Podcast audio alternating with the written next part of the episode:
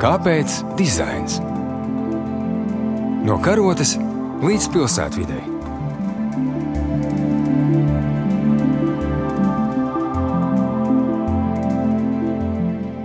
Labdien! Klasikas studijā Ilze Martinsone, Latvijas arhitektūras muzeja vadītāja. Mans viesis šodien ir Māris Šinka, kurš pārstāv 3D betona drukāšanas zinātnisko laboratoriju. Labdien! Mūsu saruna ir jāsāk grūtā laikā, kad domas vispār neraisās uz profesionālām lietām, jo Ukrainā notiek karš.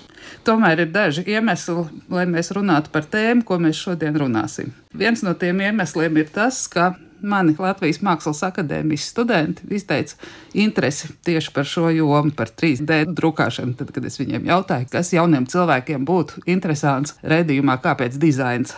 Bet tā otra lieta ir tīri simboliska. Ukrainā šodien tiek grautas mājas, bet mēs gribam runāt par nākotnes celtniecību. Mēs jau ar Māru vakar runājām par reālo situāciju, ka tā ir utopija, ka mēs tiešām varētu palīdzēt Ukrainai. Tā tēma, par ko mēs runāsim, vēl ir tikai sākuma stadijā. Bet kaut kad šis karš beigsies, un mēs celsim no jauna pilsētas. Un tāpēc mēs gribam optimistiski runāt šodien par nākotni gribu teikt dažus vārdus par vēsturi, kas man kā mākslas vēsturniecei ir aizķērušies par betonu. Viena lieta ir tā, ko es atceros no savām mākslas vēstures studijām, ka romieši ar savu betonu pilnībā mainīja pasaules celtniecības gaitu konstruējot sarežģītas ēkas, kādas līdz tam vispār nebija iespējams, un konstrukcijas. Vēl tagad atceros, ka pie slavenās mākslas vēstures pasniedzējas leģendārās Tatjana Čālovs es izvilku biļeti betons Romas mākslā. Bet Otra lieta, kas no jaunākiem laikiem, kas man ir aizķērusies kā arhitektūras muzeja speciālistei, laiks 70. gados, kad Latvijā parādījās tā saucamais šokbetons. Īpaši apstrādāts betons, kas ļāva modernisma ēkas vairs taisīt ne tikai kā vienveidīgus plakanus klučus, bet ļāva iegūt plastiskas, atšķirīgas fasādes. Un īsnībā šokbetons tas ir žargona vārds. Pareizi latviešu valodā ir jāsaka trieciena betons un tas nāk no šī betona sagatavošanas tehnoloģijas. Bet gribu Mārim uzdot jautājumu un drusciņu arī no vēsturiskā aspekta. Jo zinātniskā pētniecība pēckara laikā arhitektūrā un celtniecībā bija centralizēta. To īstenoja LPSR Arhitektūras un celtniecības institūts, kas bija viens no nopietniem zinātniskiem institūtiem, kurš bija uzbūvēts zinātnieku pilsētiņā Teikas rajonā. Tātad visu šo pētniecību, kā nākotnē mēs dzīvosim, to pētīt centralizēt un daudz par to domāju. Kā tas ir šobrīd? Vai šī pētniecība ir kaut kādā veidā centralizēta vai tiek īstenot kādos atsevišķos sektoros, jo tas taču ir būtiski?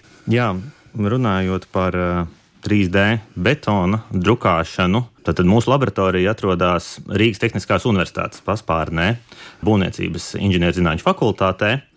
Nu jā, tad mūsu virziens ir tieši šī 3D betona pētniecība un attīstība. Ja runā par to pētniecību kaut kādā pilsētbūves kontekstā, tad tieši mūsu laboratorijas virziens un tas, ko mēs darām, viņš netiek kaut kādā veidā centralizēti virzīts, kā mums tā laboratorija izveidojās ir um, tā, ka mums ir um, laboratorija izveidota sadarbībā ar industriju, ar mūsu industriālo partneri Sakret, uh, kas ir sauso būvmaisījumu ražotājs Latvijā. Un tad uh, pagājušajā gadā viņiem bija šī interese attīstīt uh, jaunu tādu tehnoloģisku virzienu, un mēs arī bijām jau iesākuši tādas iestrādes. Tad mums apvienojot spēkus, nodibinājām laboratoriju pagājušā gada 1. aprīlī. Tas bija tā kā nav vēl gads. Un ko mēs ar šajā laboratorijā esam sākuši, tas ir uh, industriālā doktoranta studijas. Tas ir tāds doktorantūras veids, kas ir populārs Eiropā, kur doktorants pēta kādu industrijai svarīgu problēmu. Šī gadījumā jā, mūsu doktorants tieši nodarbojas ar šo 3D betona pētīšanu, šī sakreta izstrādātā maisījuma un printeru miedarbības pētīšanu. Un šeit saskārās gan uzņēmuma interese, gan mums, kā no universitātes puses, arī šī zinātniskā, jo šī tēma. Kā jūs teicāt, paliek arvien populārāk, tā paliek gan populārāk, gan industrijā, gan zinātnē. Un tas, kā šie pētījuma virzieni tiek attīstīti mūsdienās, tas, ka mēs to saucam tādu, vismaz šobrīd tas, tā tendence ir tāda izcilībā balstīta zinātne, kas nozīmē, ka tiek vērtēti zinātniskie sasniegumi balstoties uz dažādiem kritērijiem, kas pārsvarā ir kaut kāds, eh, pieņemsim, zinātniskie raksti un to citējamība.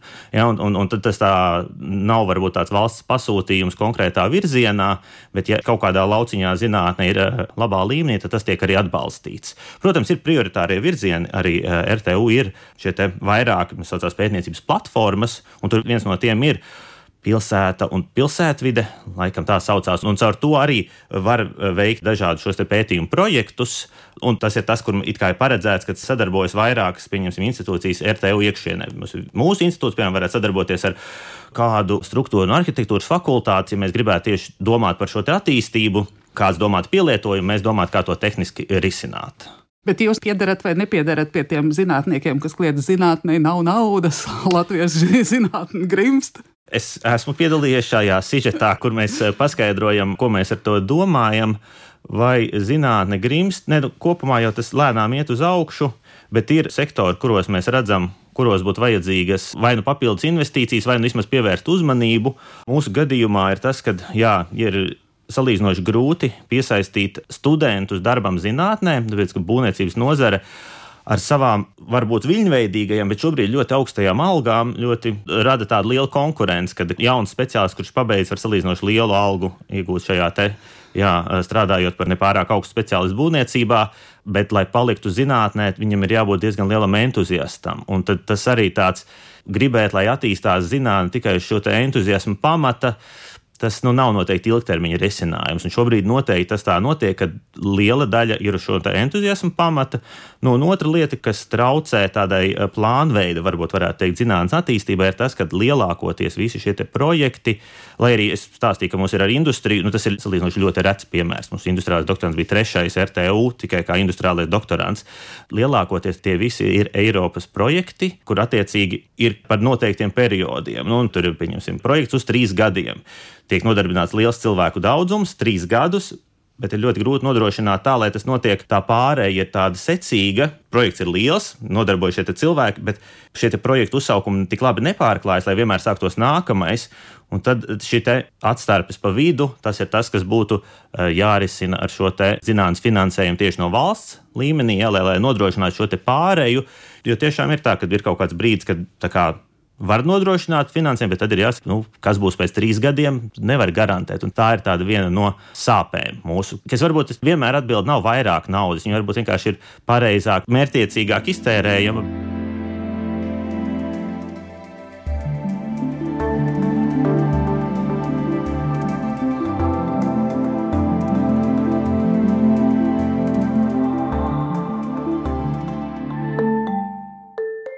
Jūs pieminējāt tādu vārdu kā maisījums. Es saprotu, ka, ja runa par betonu masu, saprotu, ka šim pasākumam ir vajadzīgs īpašs betons, īpašs sastāvdaļas, vai to mēs varam iegūt šeit pat uz vietas Latvijā? Nu jā, ja mēs paņemam tādos pamatprincipos, kas tad ir 3D betona drukāšana, tā ir salīdzinoši līdzīga, ja ir zināms, kas ir tāda parastā piemēram, plasmasas 3D drukāšana, tad process ir diezgan līdzīgs. Mēs no digitāla faila varam iegūt reālu trīsdimensionālu objektu. Tad sākumā mēs uzzīmējam kaut kādu objektu, ko mēs vēlamies.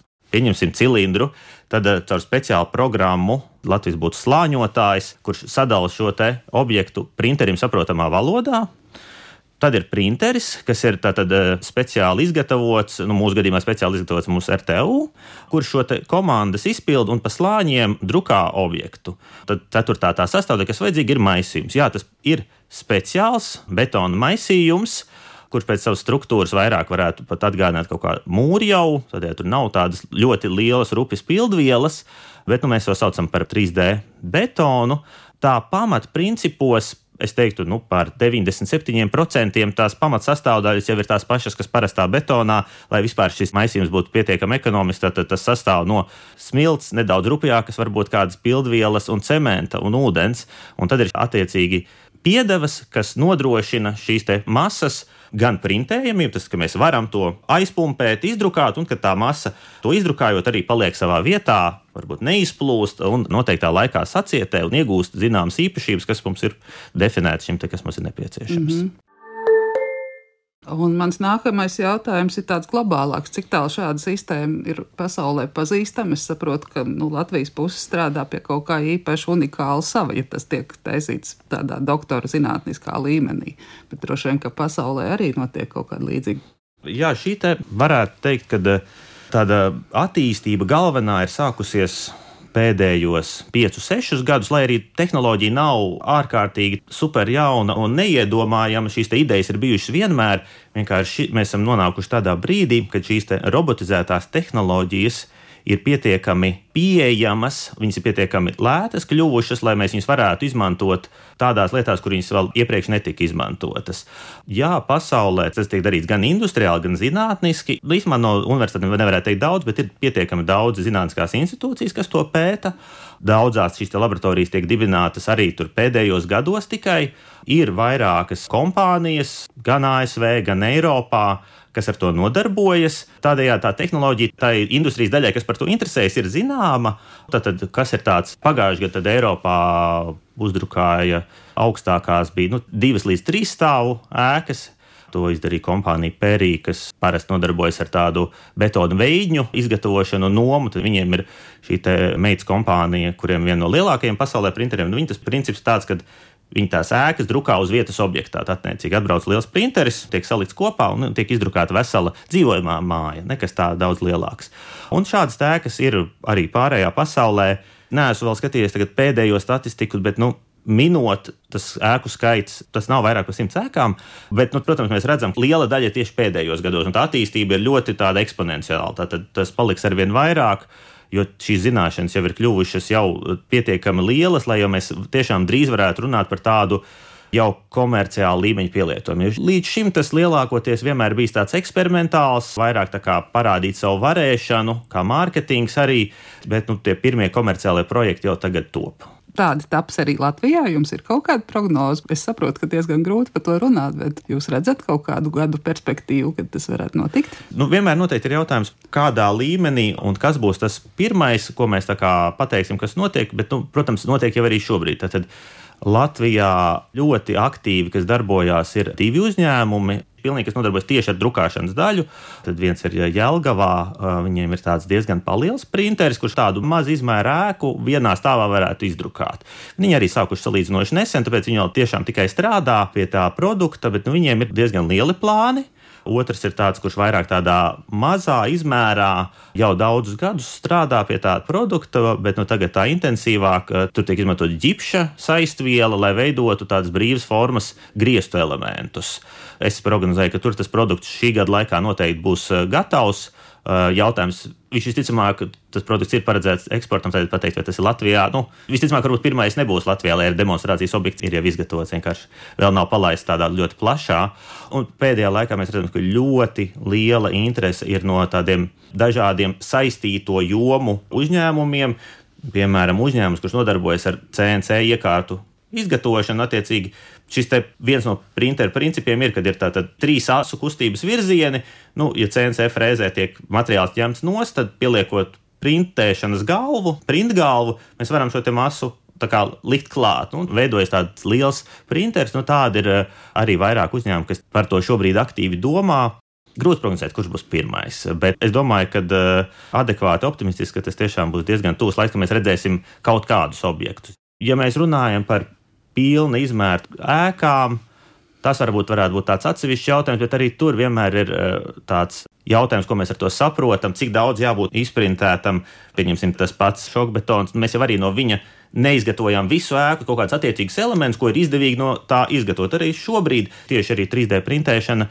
Tur, kur pieņemsim, tiek pielietot pasaulē, pārsvarā tiek izmantot tādās vietās, kur tas ir izdevīgi. Tad mēs varam ar šo tehnoloģiju labi taisīt brīvas formas, uh, elementus, eh, sienu elementus, kurus tad ar kaut kādām vēju konstrukcijām būtu salīdzinoši grūti izgatavot. Mums vajadzētu taisīt vienreiz lietojamus vējus, liels materiāla patēriņš. Pēc tam viena ņemt miskastē.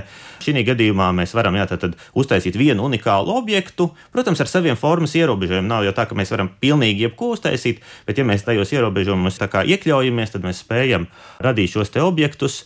Un, ja mēs tādas ēkas gadījumā runājam, tās ir, pieņemsim, sienas, Nu, pārsegums tiek būvēts horizontālā līmenī, un arī visās ļoti reti, ka tas varētu tikt 3D drukāts. Protams, šeit arī ir dažādi mēģinājumi, bet tas ir jau ļoti eksperimentāla līmenī. Tātad Nu, mēs drukājam to, ko vajadzētu drukāt. Pārējā tā tehnoloģija, protams, šim te, jebkurai ēkai vai kurai būvēi, nu, tur ir daudz dažādu tehnoloģiju apvienojums. Ja? Un tad jautājums, tad vai mēs izdrukājam vienu sienu, vienu sienas pusi vai varbūt vienu elementu. Un tas jau ir arī 3D betona drukāšanas pielietošana. Kāpēc dizains?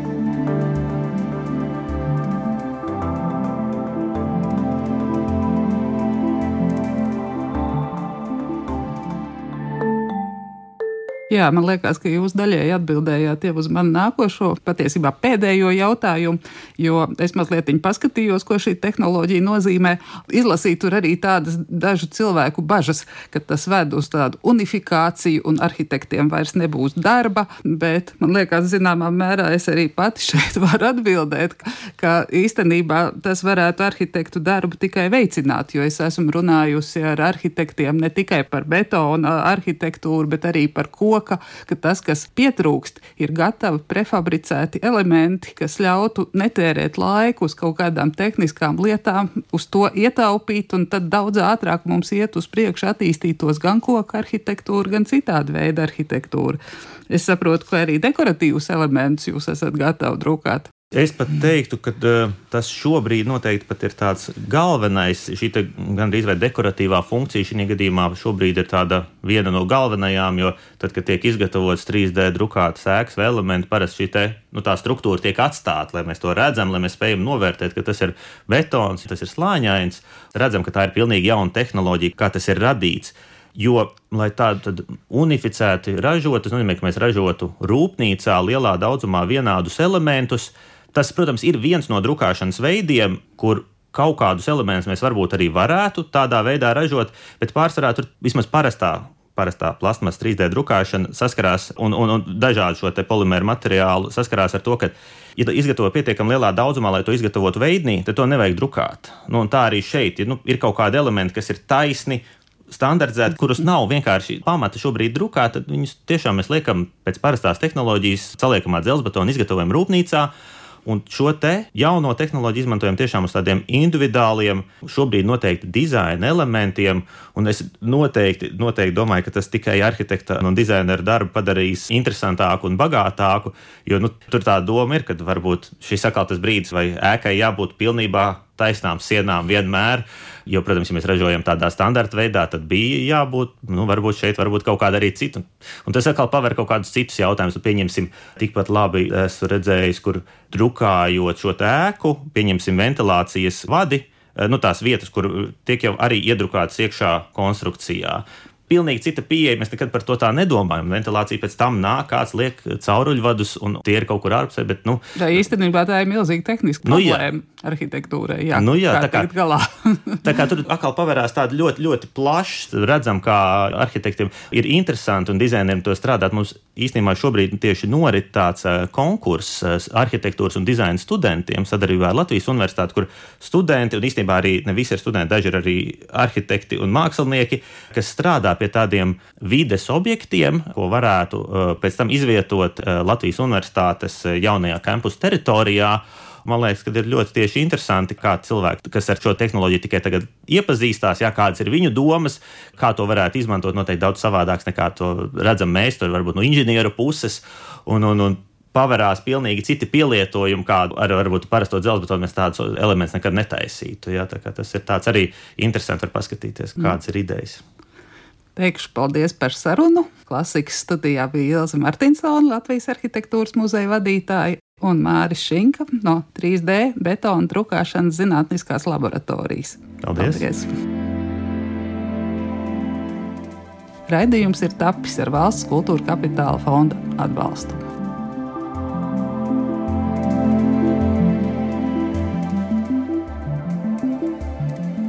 Kāpēc dizains?